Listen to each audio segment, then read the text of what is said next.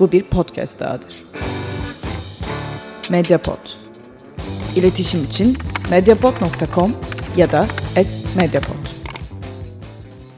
Tarih sinemadan herkese merhaba. Bu hafta 1994 yapımı Forrest Gump'ı konuşacağız.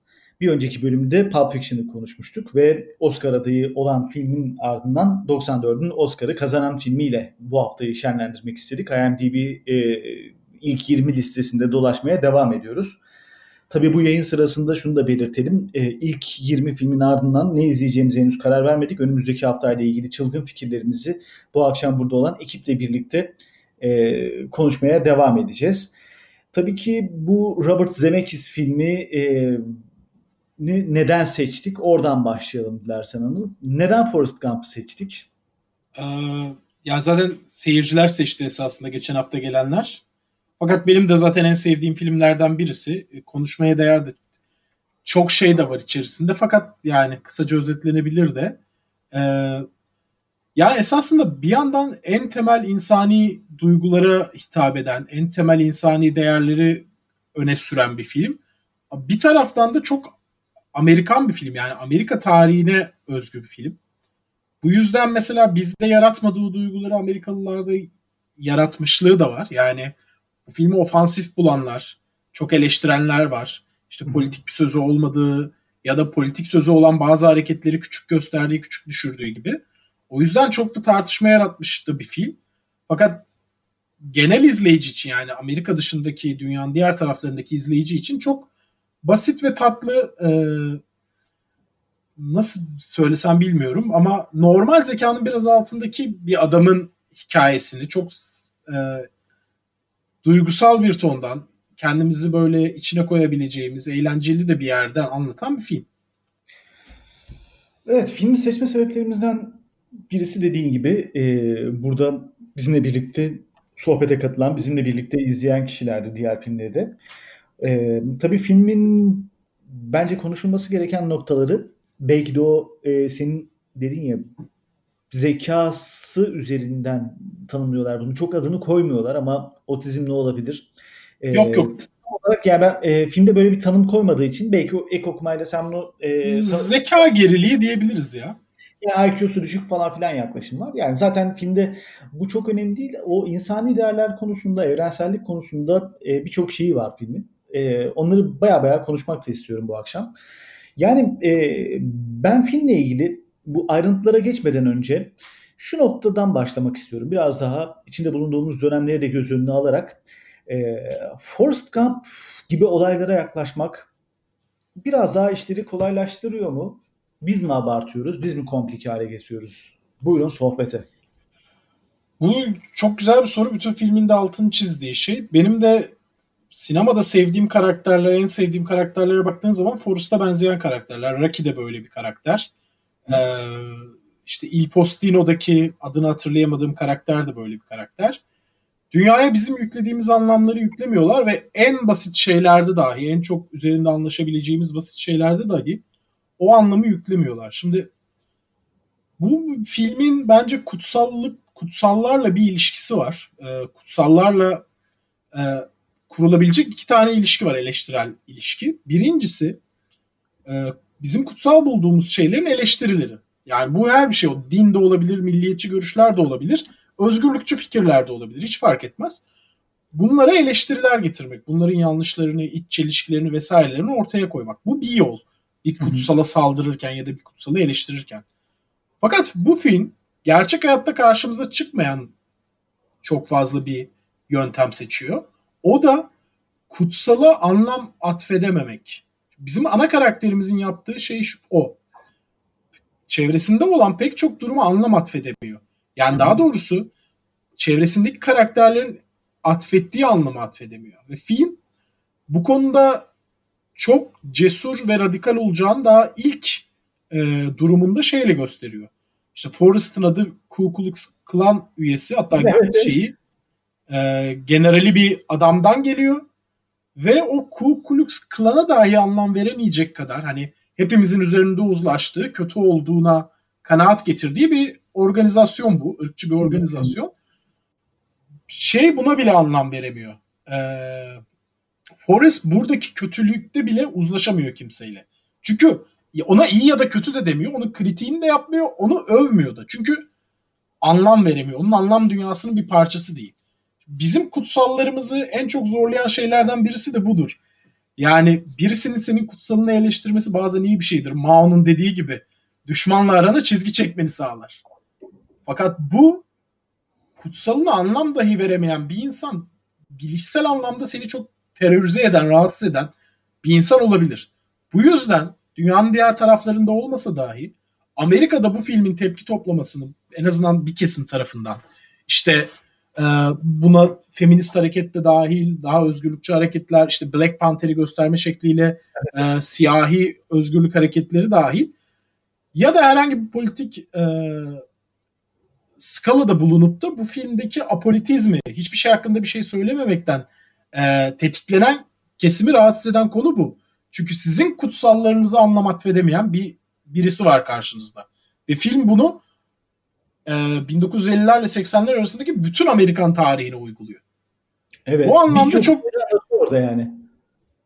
Tabii birçok olaya olayın parçası oluyor.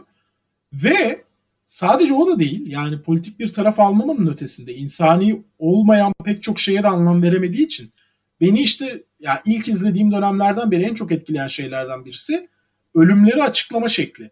Mesela hem John Lennon'ın hem JFK'in ölümünü evet. or mesela John Lennon neden öldürüldü sorusunun cevabı bende var. Sende var. Bizler buna bir cevap verebiliriz. Çünkü şöyle şöyle görüşleri vardı bilmem neydi falan filan. Bazı insanları tetikledi işte e, gericiler öldürdü falan filan. Forrest için bunun sebebi ne? Ortada hiçbir sebep yokken o genç adamın birisi öldürdü. Arabasını sürerken birisi Kennedy'yi öldürdü gibi. Ona dahi anlam atfedemeyen. Yani o, o anlamda çok bilişsel anlamda seni terörize eden bir tarafı var Forrest'ın. Ve Forrest'la kuracağımız bütün duygusal bağları bir kenara attığında esasında çok zorlayıcı bir film. Hmm. Ya ben şimdi bak şunu düşünüyorum. E, Forrest Gump'ın temel e, olarak hayattaki beklentileri e, ve istekleri çok basit şeyler. Yani mesela bir sahnede e, Jenny'di değil mi? E, mesela Jenny ona diyor ki sen sevmeyi bilmiyorsun. Bu filmde iki kez e, göndermeyle yapıyorlar. Birisinde e, ben sevmeyi biliyorum, diğerinde sen sevmeyi bilmiyorsun noktasıyla.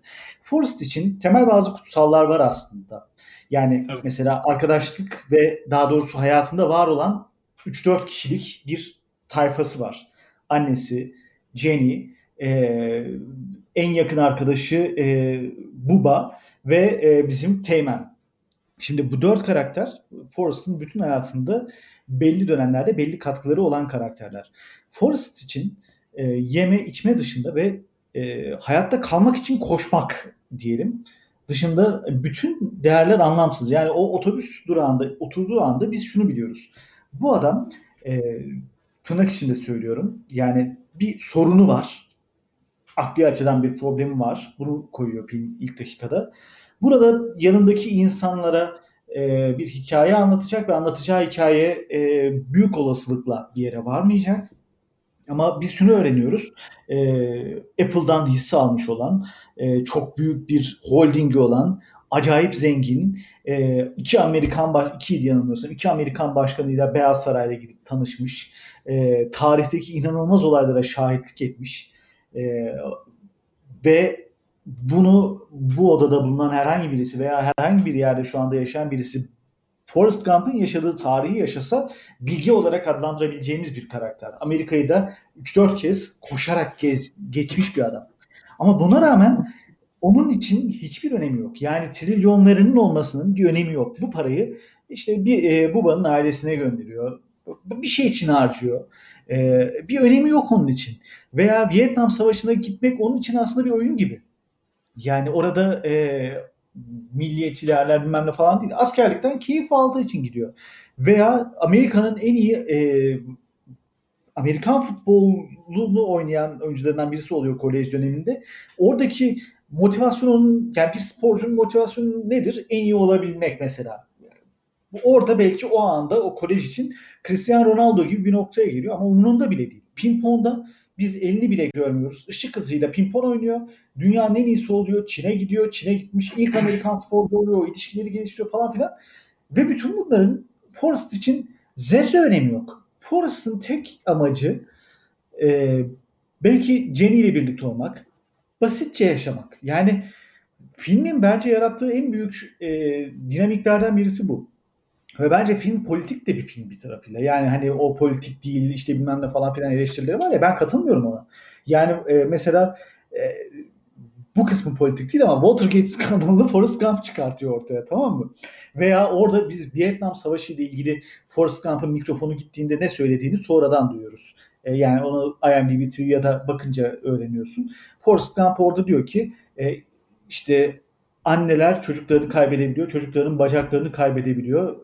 Bunlar çok acı şeyler diyor. Onun için savaşa bakışıyor ve en iyi arkadaşını kaybettiği, orada komutanının yaralandığı bir yer ve savaş onun için o yüzden anlamsız oluyor. Ama film orada zaten evet bazı şeylerini geyiğe alarak orada hippie kültürünü, Black Panther'i falan aralarda böyle yedirerek yani kutsal olan her şeye bir şeyler söyleyerek ama kendi çapında da bir politik duruş koyarak ortaya bence şey yapıyor. Yani Amerikan Esasında başkanının kayıtsızlık diyebileceğimiz. Evet. Amerikan başkanının yanında e, mesela nereden vuruldun diyor. Popondan diyor. E, gösterirsin falan filan. Popozunu açıyor gösteriyor. Veya ne bileyim e, ondan önce okulda üniversiteye giriş yasaklandığında onun için önemli değil o. Yani gidiyor orada ve sadece yaşıyor. Çok basit yaşıyor. Çok simple yaşıyor. Ve bu hayran olacak bir simple yaşam hali bence. Yani öyle. E, bence bir filmin başına dönelim. Bizi e, nasıl hikaye hazırladığı ile ilgili. Önce işte meşhur e, kuş tüyü havada süzülüyor ve aşağı doğru iniyor. Evet. E, o zaten hayata dair bir metafor olduğu defalarca konuşuldu. İşte hayatın belli bir ritmi olmaması, onu bir e, giysi giydiremeyeceğimiz, kafamızdaki projeksiyonu ona yapamayacağımız hayatı geldiği gibi kabul etmek ve ona göre e, yönümüzü almak, o hayatla birlikte savrulmakla alakalı bir film.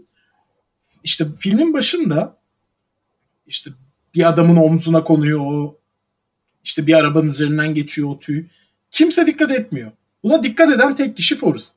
Ve esasında hayata, hayatı geldiği gibi kabul etmeye ve onu olduğu gibi almaya açık olan tek kişi de Forrest.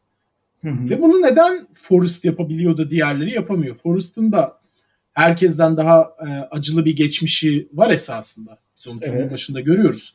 İşte annesiyle beraber yaşıyorlar. Annesi e, Forrest'ı okula sokmak için okulun müdürüyle birlikte olmak zorunda kalıyor falan filan. İşte babasız büyülüyor, dalga geçiliyor, e, tabii. zorbalığa uğruyor vesaire.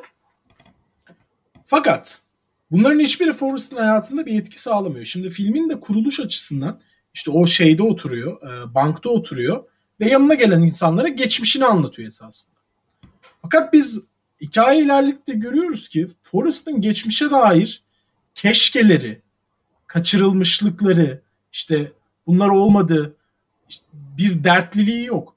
Geçmişine dahi kayıtsız bir anlamda. Güzel anıları var vesaire bir, ama. Bir şey söyleyeyim mi? Ee, bir araya girip. Geçmişine dair kayıtsız. Ee, bir tarafta senin, benim veya başka birisinin keşke diyebileceği her şeyi gayet cesaretle, gayet normal bir şekilde eğmeden, bükmeden içinden geleni yapmış. Yani keşkelik bir şey de yok aslında. Yaşamış adam onları. Tabii yani kötü duruma da düşüyor, salak konumuna da giriyor vesaire. Bunlarla bir ilişkisi yok yani. Kayıtsız bir şekilde geçmişini anlatıyor. Fakat diğer karakterleri peki bu hayatta zorlayan şey ne? Geçmişleri. Onlar geçmişlerinden çıkamadıkları, geçmişlerinde takıldıkları için Forrest kadar rahat bir hayat yaşayamıyorlar bir yandan. Bu işte üç karakterde e, cisimleşiyor. Birincisi baba. O hmm. kölelik e, kökenlerinden geliyor. Bütün ailesi e, işte karides pişirmiş başkalarına ve o bir karides botu almanın hayaliyle kendini bir maceraya atıyor. Geçmişte takılı kalması onu Vietnam'a kadar götürüyor.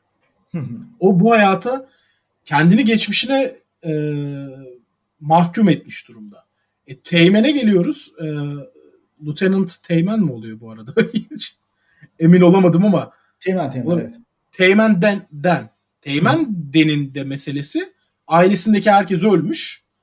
Bir tek savaşta ölmüş. E, bir savaş kahramanı olarak ölmüş ve kendisi ölmek için Vietnam'a gidiyor. Yani o görevini öyle tamamlayacak. Ve zaten ölmediğinde Forrest onu kurtardığında lanet ediyor ve hayatla barışması çok zamanını alıyor. Jenny'e gelince de o da istismara uğramış bir çocuk.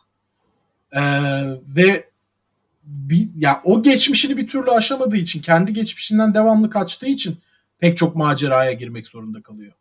Yani o Forrest'ın yaşadığı yerde yaşayamıyor. O yüzden devamlı kaçıyor. Ancak hayatının sonuna gelip çocuğunu Forrest'a emanet etmek zorunda kalana kadar o yaşadığı yerden kaçıyor ve en son orada ya, şey yaptığında bile kaldığında bile o eski evini gördüğünde o evi taşlamaya başlıyor. Biz hayatı kendimizi işte tam da bu anlamda zorlaştırıyoruz. Yani kendi geçmişimizle kurduğumuz ilişkiyle geçmişte bize ne olursa olsun onların kendi başlarına bir değerleri yok. Yani işte bu şeye benziyor. Freud'un histeri tanımına benziyor. Freud ya da genel olarak nevroz tanımları böyle. Yani sana travmatik anının yaptığı bir şey yok esasında. Fakat travmatik anıyı hatırlamak esas mesele. Seni nevrotik yapan ya da histerik yapan şey. Bu da buna benzer bir şey. Geçmişinde pek çok şeye maruz kalabilirsin. Bunlar seni kötü etkileyebilir ama onu geleceğe taşıdığın müddetçe kendi hayatının ilerlemesine engel alıyorsun. Ve o bir kuş tüyü gibi ne olduğu belli olmayan, nereye savrulduğu belli olmayan hayatı kucaklayamıyorsun. Yani işte Teğmen Den'in kaderinde yaşamak var. Ve Teğmen Den'in hayatı kucakladığında esasında kendine kurduğu bir aile var.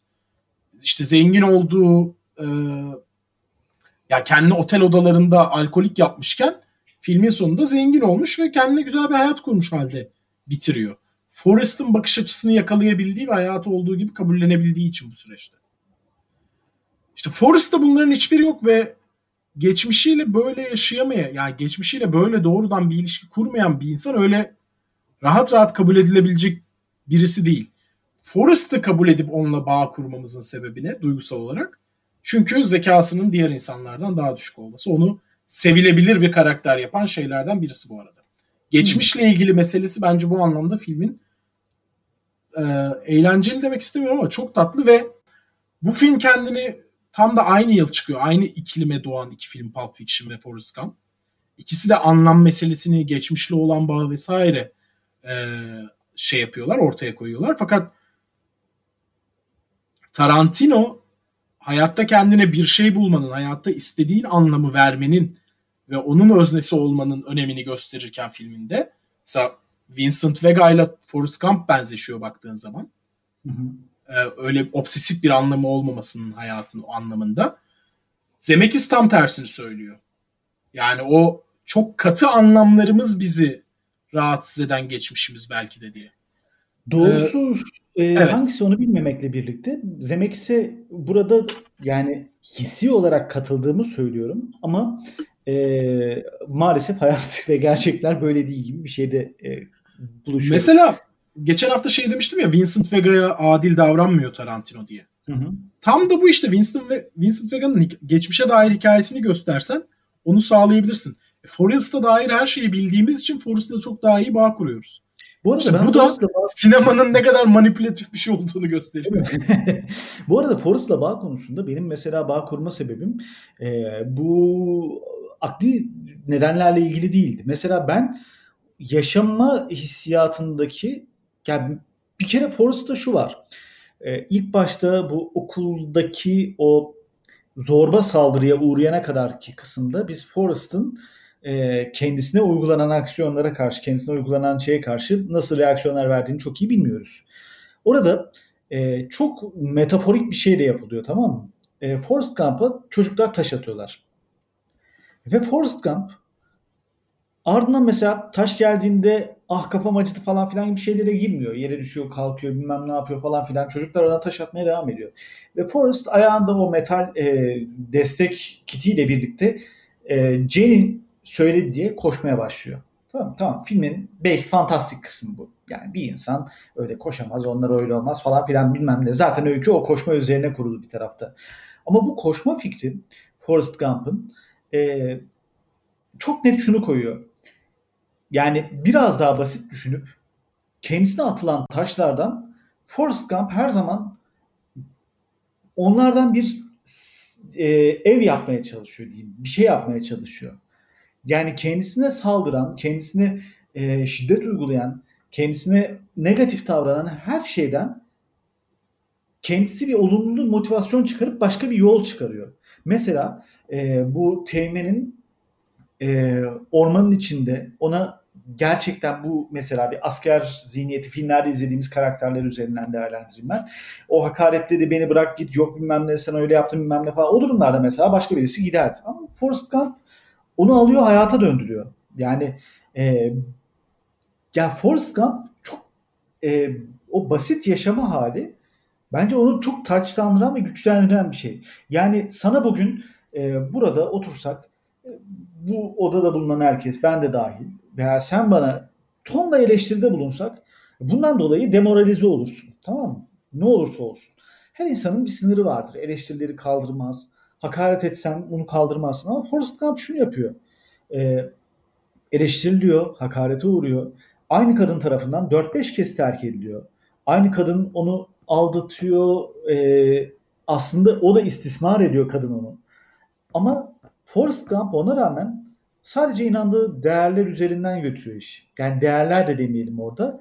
E, bir e, yaşam motivasyonuyla e, gerçekten yani normal insanların olabileceği o hani velilik delilik durumu var ya aslında böyle e, çok üst mertebede bir yerde gibi konumlandırıyor kendisini. E, hiçbir çıkar, hiçbir değer onu o şeyden ödün vermiyor.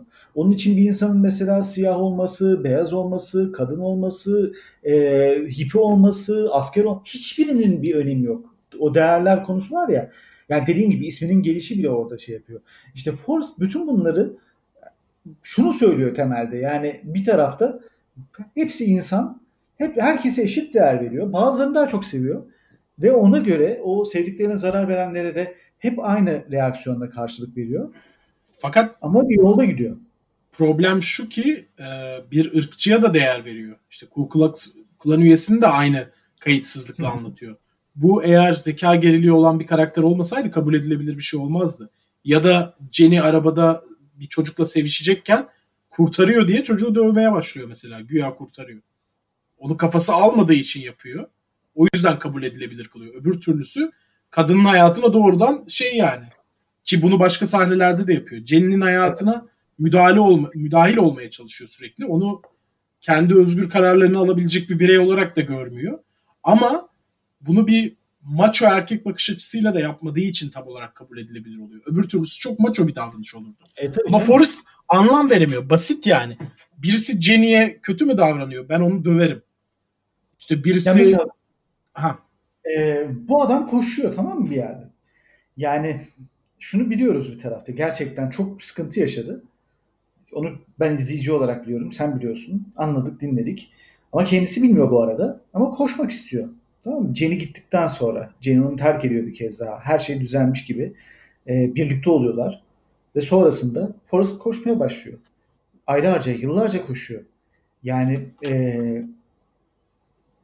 ve insanlar şuna tepki için mi koşuyorsun? Bu yüzden de şundan dolayı mı diye ona sorular soruyor. Hiçbir sebebi yok. Yani tek sebebi koşmak istemesi. Ve bir gün yoruldum ben diyor. Duruyor. Oraya şöyle gelmek istiyorum ben.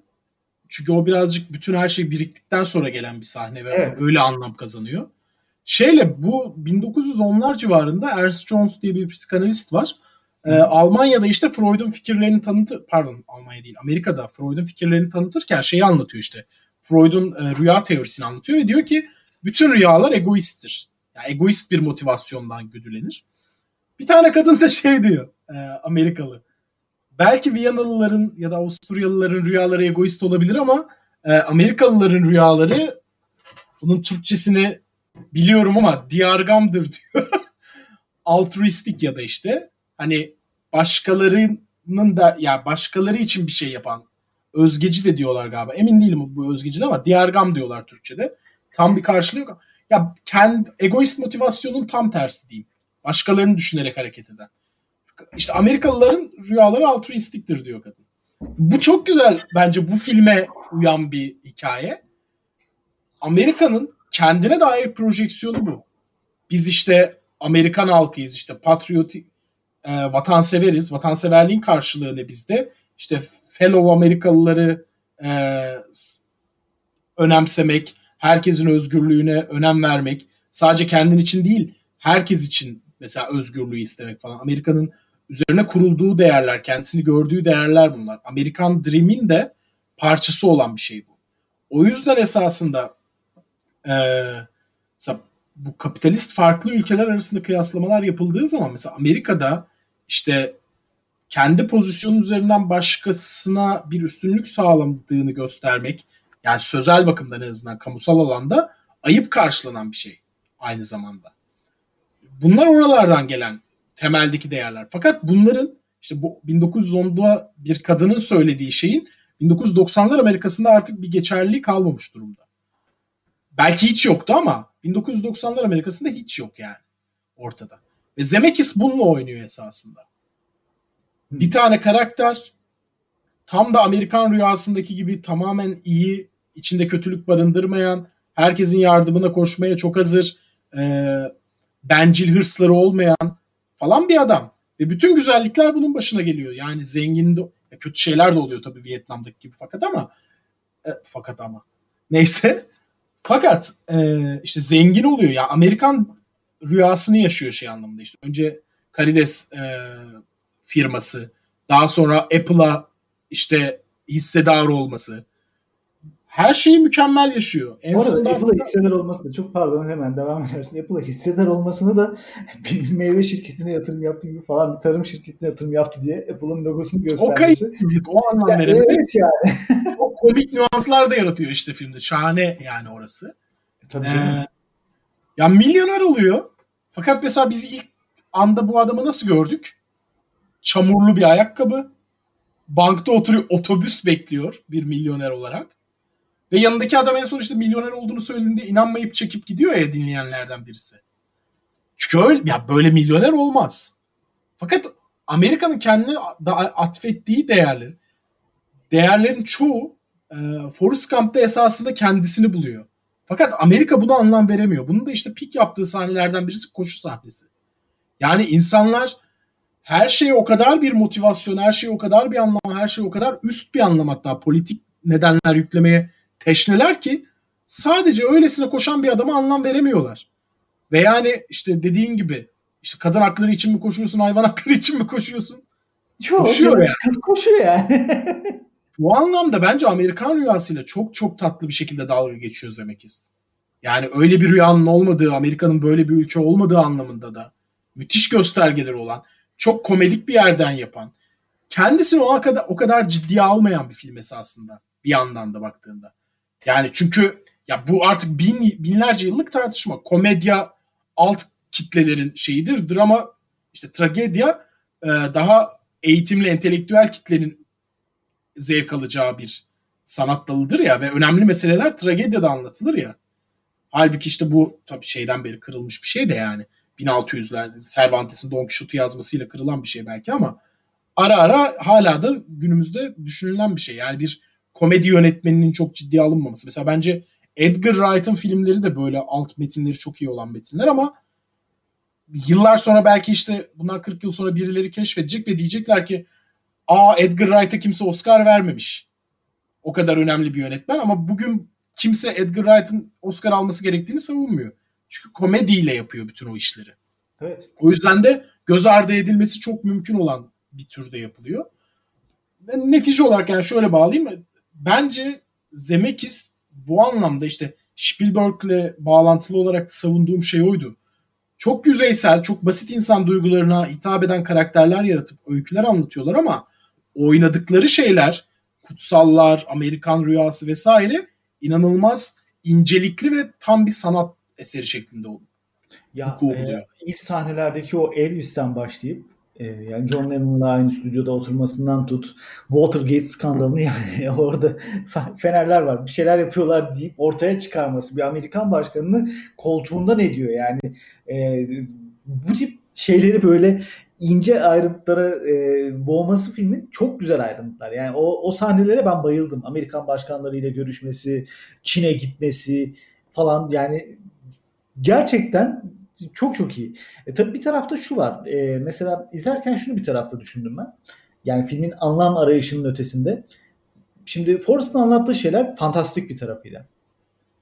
Şimdi neden fantastik? E, o çocuğun Evet, evet, evet. koşmaya başlaması fantastik. E, Amerikan rüyasında e, belki de o kadar zengin olması fantastik. Tamam mı? E, Çin'e gitmesi, o kadar hızlı bir insanın pimpon oynaması, e, koşması, o kadar Yaptığı yükselmesi. çoğu şey fantastik kesinlikle.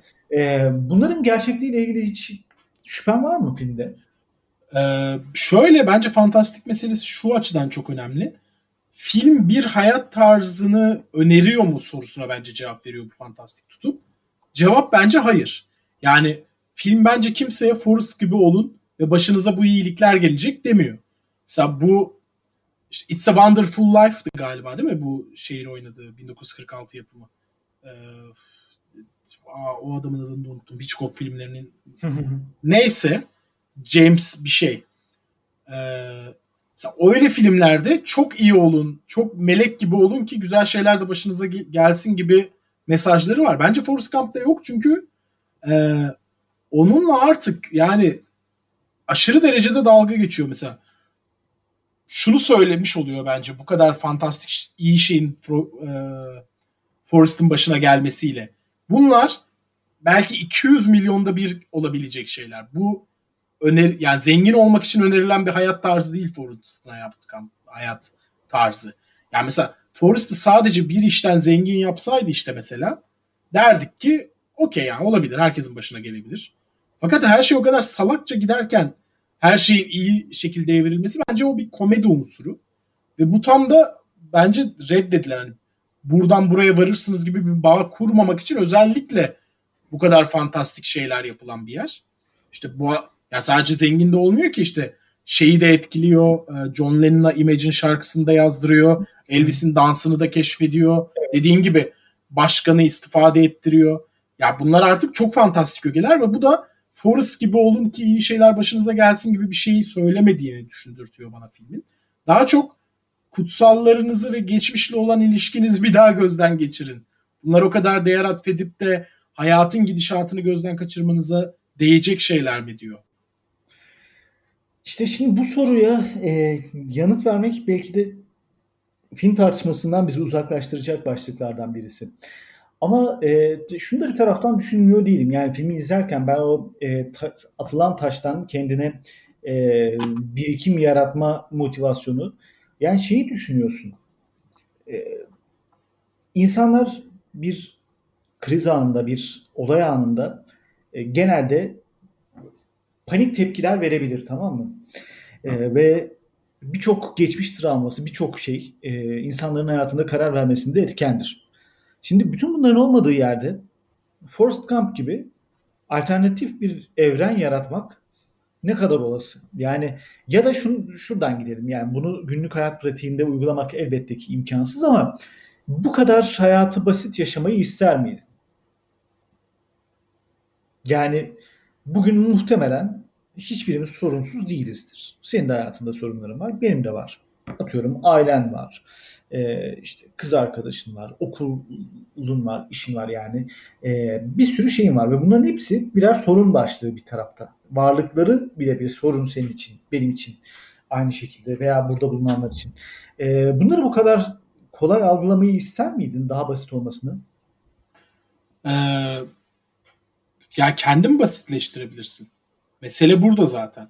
Yani Mesela zaten yani- For, Forrest gibi algılamak için Forrest'ın zeka düzeyine sahip olmak yani bir zeka geriliğine sahip olmak gerekir. Fakat Basitleştirmekten bahsediyorum. kişisel olarak soruyorsan ben basitleştirdiğimi düşünüyorum zaten kendi hayatımda.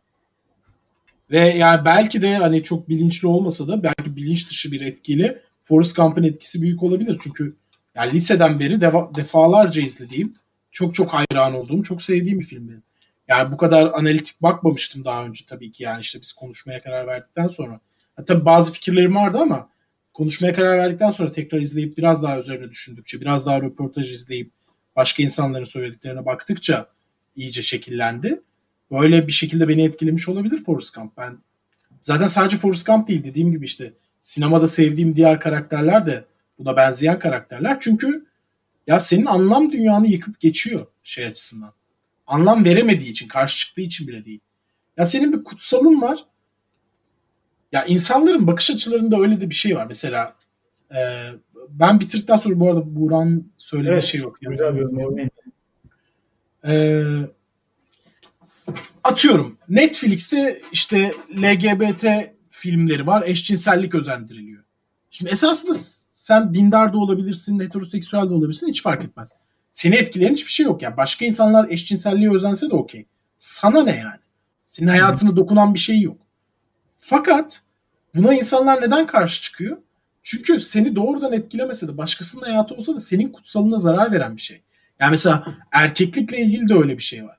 Ya bir adamın kadın kıyafetleri giyip bundan hiçbir rahatsızlık duymadan sokaklarda gezmesi senin şeyini bozuyor. Erkekliğine dair, kendine dair yaptığın bütün atıfları yerle bir ediyor. Ve rahatsız ediyor. Yani bu çok daha basit şeylerdi de işte bundan belki 20 yıl önce küpe taka, takan insanlarla ilgili. Yani bir sürü erkek bundan şey oldu ya erkeklikleri zedelendi. Niye? Senin kutsalına da senin kutsalını sen bir kere bütün dünyayla özdeşleştirmişsin. Kendi bütünlüğünden çıkarıp bütün dünyaya benim kutsalım ve bu ve dünyada böyle anlamalı, böyle yaşamalı demişsin. E, oradaki her çatlak ses, her farklılık seni e, za- sana zarar veriyor, kutsalına zarar veriyor. E, buraya nereden girdiğimi unutmasaydım çok iyi olacaktı. Çok iyi. Neydi temel soru? Nasıl geldim ben buraya? Forrest Gump gibi yaşamak. Daha basit yaşamak. Ha. İşte bu insanı kendini rahatlatması için mesela kutsallarını daha küçük alanlara sığdırmak. Başkalarına zarar vermeyecek. Ama aynı zamanda kendine de zarar vermeyecek. Kendi işlevselliğine zarar vermeyecek yere getirmek. Ee, mesela Buğra'nın yorumunu okusana onunla da bağlayarak bir şey söyleyeyim. Tabii ki. E, diyor ki Amerikan rüyasıyla dalga geçmeyi bir de Forrest'ın tek işlevliliği üzerinden yapıyor gibi. Sadece tek bir şeye odaklandığında iyi bir öğrenci, iyi bir asker, iyi bir kapitalist, iyi bir pimpon oyuncusu oluyor. Şimdi askere gittiğinde senin 160 IQ'un falan olması lazım diyor ya. Evet. Oradaki şey komutanı. Ee, bize aynı zamanda bu çağda öğretilen, Forrest'ın çıktığı yıllarda da öğretilen ne? Mesela çok işlevlilik. CV'nin daha geniş olması. Yani senin işinin dil bilmekle hiçbir alakası olmayabilir mesela. Ama bütün aynı özelliklere sahip olduğun bir insan gelse ve işte ikiniz de atıyorum İngilizce ve Almanca biliyorsunuz. Onun CV'sinde İspanyolca da yazıyorsa o işe girer. İşin İspanyolca ile hiçbir alakası olmasa dahi. Mesela bize gereksiz yüklenen, bize artık e, yapacağımız basit şeylerden uzaklaştıracak kadar da bir yük var üzerimizde. Bu e, verimlilik üzerine. Daha fazla kendimize bir şey katmamız üzerine ve daha iyi çalışanlar olmamız üzerine. Dediği gibi Forrest'ın bunu yıkan bir tarafı da var. Çünkü çok basit yani. Tek bir şeye odaklanıyor ve tek bir şeye odaklandığında her şeyi mükemmel yapıyor. Ama hayatta birçok şeyi yolunda sokmaya çalışan, birçok şeyi aynı anda götürmeye çalışan insanların hayatları tepe taklak oluyor bu hikayede. Bu arada ama bak şu parantezi mutlaka açmak lazım. Bu bir odaklanmayla falan da olan bir şey değil yani. Hani mesela Forrest'ın iyi bir asker olacağım, iyi bir pimponcu olacağım. Iyi, öyle bir şey yok. Ee, yani iyi olmasının bir iyi olmak istediği için falan da iyi olmuyor. Yani e, iyi oluyor sadece. O da çok ilginç. Evet. Yani bir hedef koymuyor önüne. Ben mesela iyi asker olacağım, şöyle iyi bir eş olacağım, iyi bir şey. Hiç öyle bir şey yok. Ama iyi bir eş bir tarafta. Yani Jenny'nin hayatında görüp görebileceği e, ona tek iyi davranan erkek. E, e, müthiş bir asker. Orada bir sürü e, Vietnam'da askeri e, bombalamanın altından kurtardı. Tek başına 5-6 kişiyi. E, iyi bir ka- e, kapitalist. Trilyoner oldu falan. Ama bunların hiçbirisini ben böyle iyi olacağım gibi bir motivasyonla yapmadı. Ya ben mesela sen e, iyi der mesela bu programı iyi yapalım derdindeyiz. İyi bir program olsun istiyoruz en basitinden. Onun öyle bir derdi yok. Program iyi oluyor zaten. Ve bu doğal yetenekle falan filan gibi bir şey yani bir tarafıyla. Öyle odaklandığı için zaten doğal olarak o şekilde tek bir şeye odaklandığı için. Ama filmden çıkınca senin kendine soracağın şu. Ben bilinçli olarak bu kadar kendimi küçültebilir miyim? Hem egomu, hem kutsallarımı, hem hayata bakış açımı bu kadar küçültebilir miyim? Hem kendimi hem de dünya ile kurduğum bütün ilişkiyi daha da rahatlatmak için. Bence bu anlamda çok değerli bir soru soruyor. Yani Amerika'nın hem geçmişle bağları hem Amerikan rüyası işte hem bireysel anlamda kendimizle kurduğumuz ilişki açısından pek çok şeyi bu anlamda sorgulayan bir film. Ee, o yüzden çok büyük bir film. O yüzden de hiç apolitik değil. Dediğin gibi apolitik bulanlar, bazı şeyler konusunda bir şey söylememesinden alınanlar var. Daha ne diyecek bir de ama yani şimdi Cehil Ama işte mesele şu. Yani Black Panther hareketini görüyor. Çok önemli bir hareket. Ve ona anlam atfetmiyor. Yani orada bir iyilik de bulmuyor, kötülük de bulmuyor. Ve bu kayıtsızlık insanları zorluyor insanların bilincini. Yani yani bu film Türkiye'de geçiyor olsaydı emin ol belki sen ben de yapabilirdik ama pek çok insan bu filmi çok taşlardı. Yani e, ya şeyde de ol- solcusu da yapardı, sağcısı da yapardı. Yani Çünkü daha her işte- değerle uğraşıyor. yani işte daha geçen gün bir tane komedyen tutuklandı. Söylediği de hiçbir şey olmamasına rağmen ortada. Yani biz çok daha kırılganız Amerikalılardan zaten. Yani Avrupa'dan da Amerikalılardan da çok daha kırılganız bu konuda. E şimdi Forrest atıyorum işte ne bileyim s- e, 70'te doğup 2000'e kadar yaşasaydı Türkiye'de geçerken darbeye bir şey söylemedi. Madıma bir şey söylemedi. Ona bir şey söylemedi. Buna bir şey söylemedi diye ayağa kalkardı millet. Yani biz çok daha böyle tabuları daha şey olan kutsallarına daha sıkı sıkıya bağlı e, nevrotik bir halkız yani. O yüzden bu film evet bir şey öğütleyecekse küçülmeyi hem egonu hem kutsallarını küçültmeyi böylece hem toplumu rahat bırakmanı hem de kendine bir faydan olmasını sağlayacak. Filmi şey. politik yapan şey tam olarak da bu biliyor musun? Kesinlikle. Tam olarak bu yani. Ama e, işte for- bir de şu var. Forrest Gump Türkiye'de yaşasaydı bu hikayede 20 kez de dayak yediğini görecektik biz. Forrest. Öyle Ramazan'da oruç tutmuyor diye. dayak yiyecekti. ya da bir e, işte 1 Mayıs'ta meydana çıkıp bambaşka bir şey söylediği için de dayak yiyecekti falan. Yani, hani Yani her yerde dayak yiyecekti. Tabii canım askerde mesela oynadırlardı. Ben söyleyeyim Türkiye'de böyle birini. Çünkü böyle şeylere yani pek tahammülü olan millet değil. Bir de ezebilen, ezilebilecek birisi varsa ezilir yani Türkiye'de. Niye ezilmesin ki yani? Böyle bakılır genelde. İşte filmin Amerikan kültüründeki e, varlığı ve o karakteri orada değerli kılan şey e, evrenselde ve bizim buradan bakınca belki tam oturmuyor ama filmde e, makro mesajları, o politize olma kısmını bilmem neyi falan bir kenara bıraktığında filmin o anlam arayışı e, bence çok iyi. Ya şey çok güzel değil mi? Yani ilk defa işte e, siyahiler okula giriyorlar. Ee, beyazlar tepkili. İşte siyahileri okula kabul ediyorlar falan diye. Forrest'ın derdine düşen defteri geri vermek mesela. Evet ya. Yani inanılmaz onun için. Yani şaha, böyle şahane şeylerle dolu. İşte o yüzden diyorum mesela ama bütün bu hikaye dediğin gibi evrensel değerler olmasına rağmen içinde e, Amerikan tarihinde somutlaştığı için onları bazılarını rahatsız eden şeyler var. Ama yani dediğim gibi Türkiye'de geçen bir Forrest Gump hikayesi çok çok daha tepki toplardı. Yani ya bizim bak ha mesela şu mesele e, atıyorum feminist hareketle ilgili neden bir şey söylemiyor işte Vietnam'dan savaştan geldi e, Forrest'ın sesini kestiler. Onunla ilgili bile bir şey söylemedi. Bir iki çift laf etmedi. Savaş mesela savaş kötüdür demedi hiç Forrest. Bunlar büyük tepki toplayan şeyler. Ee, Ama Türkiye'de bak. Tü- Özür dilerim hemen bitireyim. Türkiye'de karşılığını düşünüyorum. Ya mesela ciddi anlamda muhalif kesimde şey tedirginliği ve rahatsızlığı var. Nuri Bilge Ceylan niye daha politik değil? Niye daha açıktan söz söylemiyor? Ya bir kısım zaten hiç söz söylemediği mesele ya birisi mesela şey yazmıştı. Kış uykusunda Ermeni meselesine de değindi. Nuri Bilge Ceylan diye. Ya hiç yok. O kadar nevrotik ki artık onu oraya iliştirmiş herif. Şimdi böyle bir toplumdayız. Yani bir tane altı, az çok entelektüel bir adam var. Önemli de bir sinemacı. Bu niye daha solcu değil diye dert edinen bir kesim var. Şimdi bunların Türkiye'de o yüzden bir Forrest Gump olsaydı çok eğlenceli olurdu tepkileri görmek. Yani e, bir de şu, bu noktada şunu söylemek istiyorum. Şimdi demin e, şeyi söylerken sen e, bu Amerika'da Forrest Gump hani neden savaşa hayır demedi tepkisi bilmem. Ya bu adamın savaşa hayır demesine daha fazla gerek var mı? Yani bu adamın varlığı savaşa hayır demek zaten. Bu adam e, yani Değil orada- ya. ya hayır bak ben şunu söyleyeyim. E, bundan daha fazlasını söyleyemezdi. Yani o bir kere şeyi söyleyeyim. Full Metal Jacket gibi bir sahnede adam e, poposundan vurulmuş. Komutanının bacakları yok.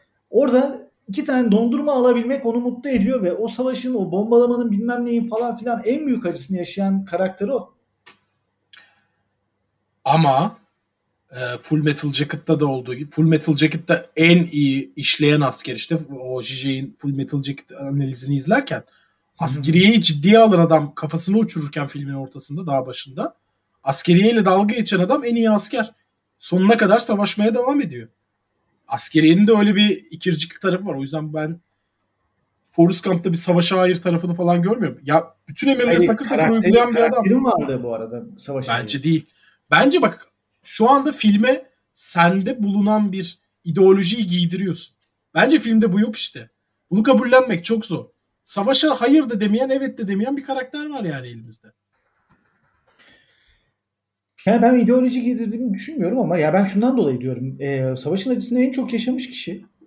Yani e, tutup daha ne yapacak yani? Peace by e, logosu mu taşıyacak elinde? Yani savaşın kendisinin böyle bir şey yok ki. Kaybetmiş ve bunların aslında bir tarafta şeyi de onun hayatına bir etkisi var. Yani Kend, e, bir dakika kendine nasıl bir etkisi var savaşın? Şöyle bütün mesela bütün değerlerini yitirmiş bir karakter. Artık tek varlığı temin olmak olan bir karakteri hayatta alıyor ve ona başka bir e, hayat sunuyor. Bir yerden de bakarsan o zaman en iyi iki arkadaşını savaşa gittiği için kazandı. E, Amerikan ordusunda olduğu için dünyanın en iyi pimponcularından birisi oldu. O pimponculukla reklamda oynadı. Oynadığı reklamdan kazandığı parayla bot satın aldı. Hem arkadaşını onurlandırdı hem zengin oldu. Sonra Apple'ın hisselerini aldı. Ve hayatı mükemmel bir yere gitti. Sırf savaşa gittiği için. Bu da bu filmde var. Bu da çıkar yani. Ya bu da çıkar ama ben şeyi e, düşünmüyorum ya. Ya daha sert söylemesine gerek olduğunu düşünmüyorum filmin. Bence sert ya da soft yani. Söylemiyor böyle bir şey. E o zaman kayıtsızlığı nerede ki bu filmin? Sabahtan beri konuştuğumuz kayıtsızlık Hayır, nerede o zaman? Kayıtsız değil ki. Forrest işte, karakteri kayıtsız. Ben ta, ya tabii ki de öyle. Ama e, ya şimdi mesela Forrest özgürlükçü hareketleri destekliyor mu? Hayır. Forrest, kayıtsız. Evet. Film destekliyor mu?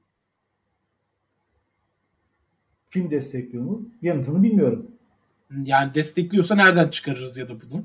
Savaşla ilgili de ben savaşa dair filmin kötü ya da iyi bir şey söylediğini düşünmüyorum. Ama sen tam olarak nerede görüyorsun bunu onu da anlamadım.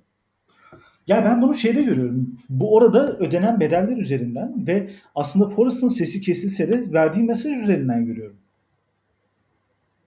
Filmde yok o mesaj ama. Ya filmde oraya konuşma yapmaya da gitmiyor bu arada. Yani bir hata sonucunda oraya çıkarılıyor yani. Ve anlam ver, veremiyor zaten ne olduğuna yani. Yine o politik konuşma yapan çocuğa şey diye çocuklar şey diye bahsediyor işte sürekli F-word kullandığı için devamlı alkışlanıyordu falan diyor. E, tabii canım, alakası öyle. Bence öyle. o yüzden filmde de bir savaş karşılığı yok. Yani savaş destekçiliği de yok. Zor olan bu işte yani savaş gibi bir konuyu önümüze getiriyor hem de Vietnam gibi. Bununla ilgili bir şey söylemeden geçiyor. Yani insanları rahatsız eden de bu zaten. Filmle ilgili rahatsız olanları. Bilmiyorum ya. Yani filmden ne beklediğinle ilgili bir şey gibi geliyor bana bu. Yani ben dediğim gibi ben olduğunu düşünmüyorum. Bu da bugünlük çatışma noktamız olsun. tabii, tabii canım. Buğra bana katılacaktır şimdi eminim ki. Buğra seninle aşk yaşıyor zaten.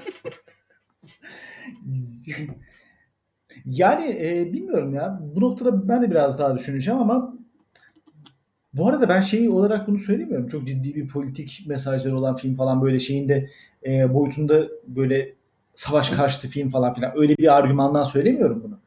Ama ben mesela sana kıyasla orada bilmiyorum yani belki dediğin gibi ideoloji giydirdim onu bilmiyorum. Buğra, Buğra benden yana o yüzden rahat rahat söylüyorum. Ee, abi bence yok. Çok bilinci, insanın bilincini çok zor. işte bilişsel terör yaratıyor başkalarında dedim ya Forrest. Bence şu an sen, ya çok salakça bir şey esasında insana böyle bir yorum yapmak. Şu an sana yapacağım bir yorum ama e, samimiyetimize dayanarak yapıyorum. Bence mesela seni bir filmde Vietnam'ı görüp onunla ilgili söz söylememesi zorluyor bilişsel olarak şu an. Terörize ediyor.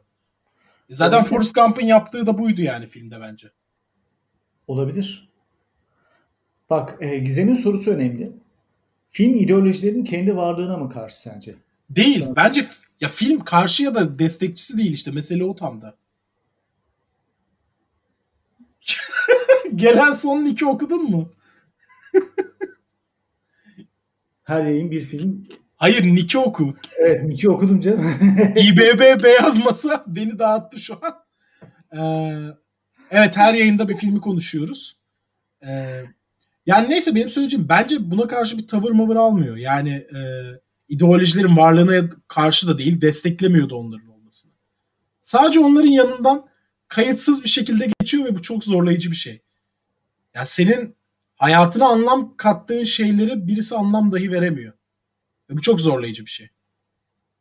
Haklısın. O yüzden ya. bu kadar büyük bir film bence. Evet ya. Bizim bir belediye işi var. Ben birazcık Belediye burada toparlanın.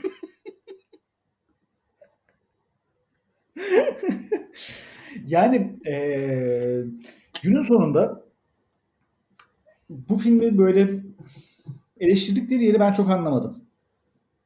Çok haklı bulmuyorum eleştirdikleri noktaları. Açık söyleyeyim. Yani senin söylediğin eleştirilerden bahsedeyim. Ee, Ekşi'de biraz bir şeyler okudum hakkında. Millet ne diyor, ne yapıyor, ne yazıyor. Filmi böyle ama çok o e, abartılmış bir film olarak gören çok var. Yani hiçbir şeyi beğenmemetimi beğenmemiş onu da.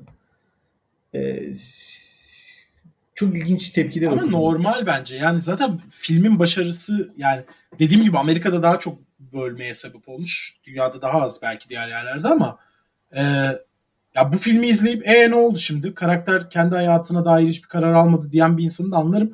Ama film insanı işte bölüyor bir anlamda. Yani bir- iyi bir sanat işinin yapabileceği şeylerden birisi bu. Bu yüzden bence anlaşılabilir de bir şey. Evet. Aa, filmle ilgili şimdi tabii diğer kısımlara geçme zamanı yaklaşıyor değil mi? Yani artık sona da geliyoruz. İns ee, insanlar da birazcık şey e, kendi hem soruları varsa yazabilirler hem de kendi puanlarını da vermeye başlasınlar bence. Evet. Şimdi e, filme siz kaç veriyorsunuz? Önce biraz onları görelim. E, Onlar onu yazana kadar da hemen minik bir ek yapabilir miyim? tabii ki sen ekini yap. Hocam Tom Hanks ya. Bu nasıl bir oyunculuk? Değil mi ya? Ya üstad gibi üstad gerçekten. Bak onun daha önce söylemiş miydim hatırlamıyorum. Şeyde kaptan kaptan neydi o filmin adı ya? E, I'm the Captain Now diyen bu işte Somalili korsanların gemiyi kaçırdığı film. Kaptan Phillips. hı hı, izlemedim. Abi Kaptan Phillips normal bir film. Öyle çok da büyük bir oyunculuk yok. Ama filmin sonunda travmaya girdiği bir sah- pardon şoka girdiği bir sahne var. Ben ilk defa sinema tarihinde bir oyuncunun gerçekten şoku oynayabildiğini gördüm. Çünkü genelde gerçeklikten kopmuş hiçbir şey anlam veremeyen bir şok oynarlar. Abi Tom Hanks gerçekten şokta şöyle bir şey olur. Yani sen devamlı bir tarafın sana gerçekliğin var olduğunu ve oraya dönmeni söyler. Bir tarafında e, yani gerçekliği algılayamaz durumdadır ve işte şok tam da odur. Gidip gelme halidir. Yani gerçeklikten tam bir kopuş değildir. Tom Hanks bunu öyle bir oynamış ki yani. Bunu oynayabilen ve bu anlattıklarımı gösterebilen gördüğüm tek oyuncu. Ve bu filmi de şeyi biliyor musun bilmiyorum. Mesela bu konuşma tarzı nereden geliyor? Ee, Yok. Zemeckis şey demiş Tom Hanks'e nasıl konuştuğunu bu çocuğa öğret. Ee, çocuk da senin gibi konuşsun gibi devamlık olsun. Tom Hanks demiş ki ben niye çocuğu kopyalamıyorum ki yani. Ve gidip çocukla saatlerce muhabbet ederek çocuğun aksanını kopyalamış. Ve o çocuğun gerçek aksanıyla konuşuyor. Ya manyak bir oyunculuk. Buğra'nın güzel bir sorusu var bu arada. Filmin müziklerini, sahneleri oturttunuz mu? Ee, evet. Ya ben filmin müziklerinin çok başarılı olduğunu düşünüyorum. Pulp Fiction kadar filme e, tamamını götürmese de arkada çalan müzikler falan ve o sahnelerde bence iyiydi ya. Sen ne diyorsun? Ben çok yakıştığını düşünüyorum. Hem Alan Silvestri'nin yaptığı orijinal müzik hem de kullandıkları diğer müzikler. Yani o e, o çağın da ruhunu çok iyi yakalayan zaten hepimizin çok bildiği, çok sevdiği şarkılar. Ben çok iyi oturduğunu düşünüyorum. Böyle hatta soundtrack kullanımında böyle en çok sevdiğim filmlerden birisi soundtracklerini. Evet, soundtrack çok başarılıydı. Ama de- özellikle o e, özür dilerim şey bu işte kuş tüyünün e, havada uçtuğu sahnede mesela Alan Silvester'in orijinal müziği falan aşırı iyi bence. Çok iyi oturuyor gerçekten filme. Evet. Çok iyiydi canım. Çok iyi oralar. İBB Beyaz Masa 7 vermiş. Çok oldu izleyeli ama hafta 7 vermiş. Ee, bu arada her hafta farklı bir film konuşuyoruz. Ee, önümüzdeki haftayı da konuşacağız birazdan ne konuşalım diye. Orada fikirlerinize de ihtiyacımız var. Ee, filme peki sen kaç verdin Anıl? 9.5'tan 9. Hmm, ben 9 verdim. 8.5'tan 9. Benim 9.5'tan 9 yani 10 olmasına ramak kalan filmlerden biri. Gerçekten en sevdiğim filmlerden birisi bu da. İlk konumda yani. Ee, ilk konuma koyar mıyım bilmiyorum ama 9'u verdim yani hiç şey yapmadan. Tereddütsüz 9 yani böyle 9.01, 02, 03 diye yükselir. o zaman hem e, insanların yorumlarını alalım hem de haftayı içinde konuşalım onu soralım. Mustafa Kaptan Phillips'in sağlam bir propaganda filmi olduğunu söylüyor. İzlemediğim için bir şey diyemiyorum. Katılıyor musun? Ya filmi çok hatırlamıyorum. O kadar da iyi bir film değildi zaten. O yüzden bir şey diyemeyeceğim. Hmm. Peki şimdi filmle ilgili yorumlarınız varsa bu arada onları da paylaşırsanız. Buğra 9 vermiş ama müzikler tekil olarak harika. Bazıları sahnelere oturmamış gibi geldi görüşünde. Olabilir. Olabilir. O gözle çok bakmadım ben de ya. Çok Evet ya ben de ama böyle sırıtmadım bana en azından onu söyleyeyim. Hatta bazı şarkılar zaten sevdiğim şarkılar olduğu için e, gayet güzel geldi. Ama o konuda tabii ben mesela şeyi Pulp Fiction'ın müzik konusunda bir adım önde olduğunu söyleyebilirim ama bu da müthiş yani. O kadar değil. Şey diyeceğim. E, Serap beni okumuyor musunuz yazmış da ben Serap'ın hiç yorumunu görmedim. Çok önce yazmıştı daha doğrusu. Ondan sonra hiç görmedim. Okuyalım okuyalım mutlaka ki. Aa, çok başlarda yazmıştı. Onu da okudum ya. Selam falan verdi Serap. Bir tane de yorum yazdı. ile ilgili bir şey vardı. Abi ona cevap verdik. Orayı kendi dinlememiş. Bu yayının tekrarını izleyip bulsun. Başka bir şey görünmemiş ama varsa e, sorusunu alalım hemen yanıtlayalım ya. Onu teyit.org'a yönlendirdik Serap. Okursun önümüzdeki günlerde. Falling Down'ı önermiş. İBBB yazmak Ben sana. Falling Down neydi ya? Çok tanıdık geliyor 93 ama. 93 yapım bir film. Ee, Kimindi? Başrolde. Yönetmen kimdi? Yönetmen Joel Schumacher. Robert Duvall var. Okey izlemedim. Bilmiyorum. Ben de izlemedim evet. Ama listemizi alabiliriz. İleride izleyebiliriz yani. Valla şey e, şu anda gelen öneriler Falling Down, Groundhog Day bir de neydi? Big Fish. Valla bilmiyorum. Ben sadece Groundhog Day'i izledim buradan ama diğer üçü arasında hem diğer izleyicilerin bir fikri varsa hem de senin varsa ben boynum kıldan ince ya. Okey olurum. Ne derseniz izleyin. E, Groundhog Day olabilir. E, bakalım bakalım. Bir de ne var demiştin? E, Falling Down geldi. Big Fish Big geldi. Fish, Groundhog Day. Groundhog bir de şöyle bir şeye de göz gezdirebiliriz yani yine IMDb 250'ye bir göz gezdirebiliriz. 250 çok. ya 250 değil işte 10-20 falan artık. Biliyorsun. Yani e, biraz daha yeni bir film mi konuşalım yoksa?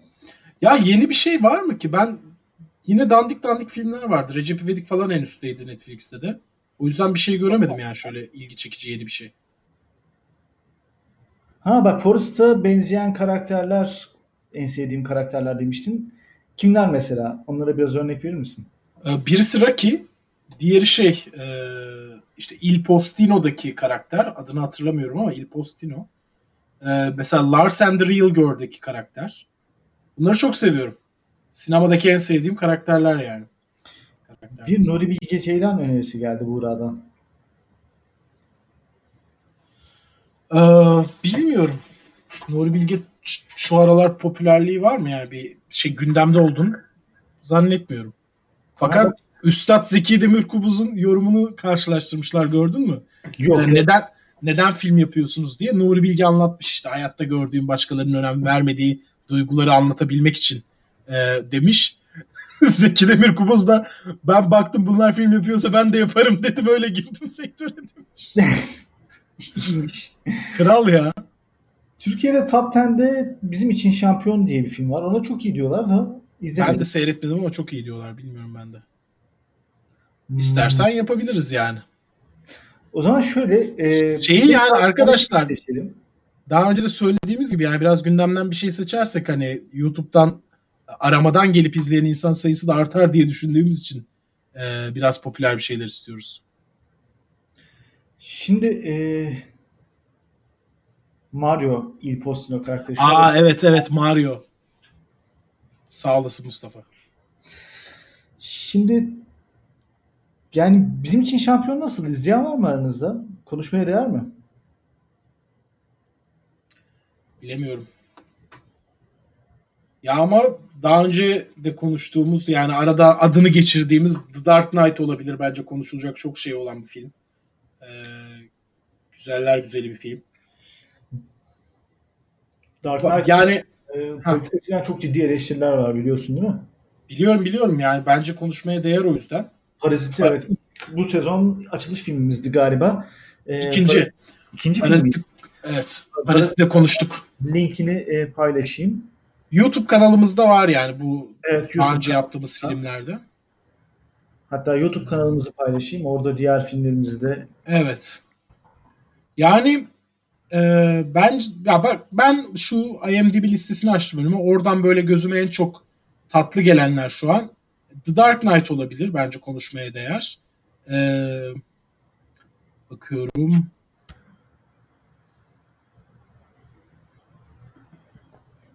Parazit de bu arada 26. sıraya yükselmiş. Şu anda gördüm. Parazit'i konuştuk. Yani o kadar yükseldiğini bilmiyordum. O yüzden araya sokuşturayım dedim. E, Yalnızca Psycho olabilir mesela bak yani hiç klasiklerden bir şey konuşmamışken hazır. Böyle bir şey olabilir ya da iyice e, kimsenin konuşmadığı bir şeye git derseniz de şeylere gidebiliriz. Benim Zulam'da sakladığım filmlere gidebiliriz. Ama böyle popülerliği yüksek Dark Knight falan olabilir bence ya. Şu an çok ısındım ama. Dark Knight olabilir. E, Parazit'in bölüm linkini de paylaşayım. Ben bizim kanalı paylaştım. Evet evet Serap da izlememiş de şeyde var. e, yine YouTube kanalımızda Parazit incelemesi var. Evet onu da gönderdim şimdi. İkinci linkimiz Parazit'in incelemesi. Emre senin gönlüne en yakın olan hangisi onu söyle bari. Şimdi Spotlight önerisi de var. Spotlight aslında çok konuşulabilecek şeyi de olan bir film. Öyle mi diyorsun? Bence konuşmaya değer çok şey yok ya Spotlight'ın. Hani konu önemli de film olarak var mı öyle çok özel Konu bir şey? önemli zaten. Ya konu da hani artık gazetecilik incelemesi. Hani filmi bırakıp o konuları konuşmamız gerekir. evet ya. Ee, Big Fish önerisi ne diyorsun? Ya izlemedim. Forrest Gump'la paralel konuşulduğuna da denk geldim. Olabilir. Bilmiyorum ya. İzle, hiç izlemeden de dalmak biraz şey oluyor. İzledikten sonra karar versek daha güzel olur. Yani onu başka bir hafta için. Yani şöyle diyebiliriz. O zaman 3 film önerelim tamam mı? Ee, şöyle yapalım onu. 4 film söyleyelim. Dördünden birisini seçtirelim burada. Ee, iki tanesi yani birini ben listeden önerilenlerden söyleyeyim. Birini sen söyle. Ee, birer de kendi istediğimiz filmi söyleyelim. Oradan seçelim. Okey. Ben bu listeden Shawshank Redemption diyorum. Hı hı. Ee, Yazalım. kendi ön- kendi önerim olarak da The Dark Knight diyorum. The Dark Knight diyorsun. Aa, Seninkiler? Ben Aşkar Ferhadi önerisi falan da gelmeye başladı ya. Aşkar Farhadi yüreğimizi dağlar. Bu karantina günlerinde perperişan oluruz. Hadi Falling Down diyelim. Bir de madem bu kadar popüler oldu bizim için şampiyon diyorum. Yazdım. Bu dört filmden eee, Abi bunun bir şeyi olma yok değil mi? Ee, anket özelliği yok. İstersen bunları tekrardan Twitter'da ankete çıkaralım. Zaten insanların fikirlerini alarak yaptık. ama Twitter anketi burada şey ya aldatıcı oluyor yani biliyorsun Öyle biliyorum biliyorum da belki bu haftalık karar veremediğimiz için muhabbet de uzuyor YouTube'da. Son 20 dakikası film seçmekle şey olmuş olacak. Zaten günceli aradığımız için Twitter'daki de şey Dark. Knight'a geldi. Bakalım bakalım. Okey. Buradakiler. Yazın mı o zaman bari? Shawshank Evet. Redemption, Dark Knight, Falling Down ya da. Yan yana yapıştırdı vallahi. Yapacak bir şey yok. Tek oy geldi. Yok mu arttıran? Kapatıyorum. Satıyorum. Dark O Knight, Dark Knight 2 oldu. Sağ ol Hakan. Falling Down geldi bir tane. Tam bir oldu. Bakalım kaç kişi var. Serap, Mustafa, Altan nerelerde bunlar? Gizem. Gerçi Gizem. The Dark, evet, Dark Knight bu akşamın. Hadi hayırlı olsun. Canımdır evet. Dark Knight. E hadi da, bak e, Beyaz Masa'yı da Dark Knight aldık. Beyaz Masa. Ekrem Başkan da arkamızda. Kıracak mıyız siz ya?